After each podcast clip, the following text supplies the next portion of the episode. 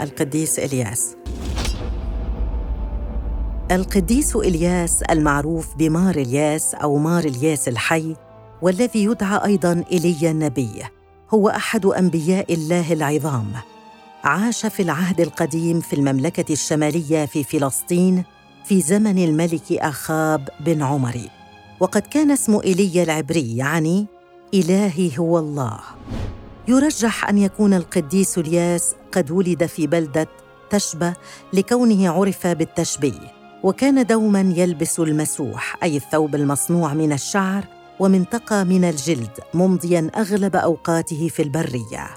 كان أمينا للرب يحاول دوما رد الخطأة إلى الله حتى وصل به الأمر إلى توبيخ الملوك والحكام والأنبياء الكذبة دون أي خوف فيما أجرى الله على يديه العديد من الآيات والعجائب.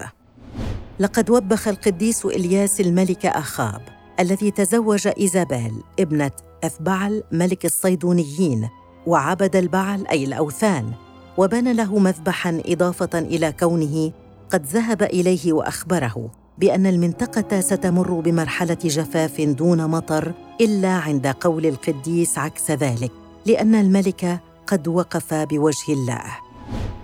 بعدها ذهب القديس حسب إرادة الله واختبأ عند نهر كريت الذي يقابل الأردن وحيث كانت الغربان تأتي إليه صباح مساء بخبز ولحم.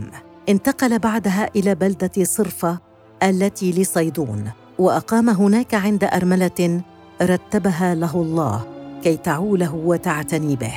ولما وصل إلى عند بيتها طلب منها شيئا يأكله فأخبرته أنها لا تملك سوى حفنة من طحين تريد أن تقتات بها وابنها قبل أن يموتا.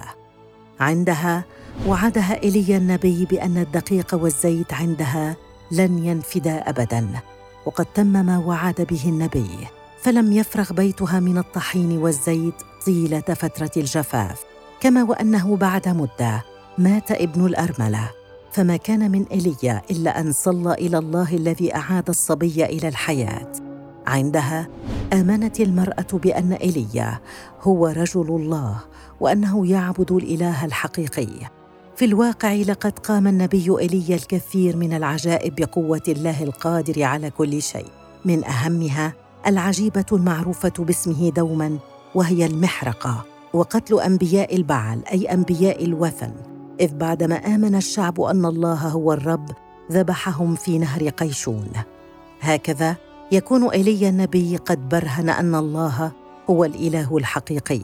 لهذا السبب غالبا ما يظهر النبي في الرسوم التقليدية ممسكا سيفه في يده من أجل الرمزية إلى قضائه على أنبياء البعل بسيف الله. نهايته كانت غامضة. لا يعرف أين دفن.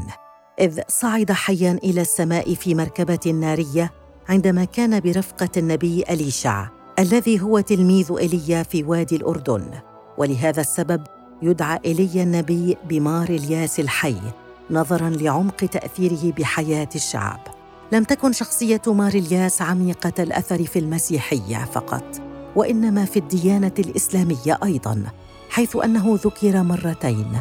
في القرآن الكريم في سورتي الأنعام والصافات. لا يزال البعض يعتقد أنه لم يمت بل لا يزال حيا ينتظرون مجيئه إلى الأرض.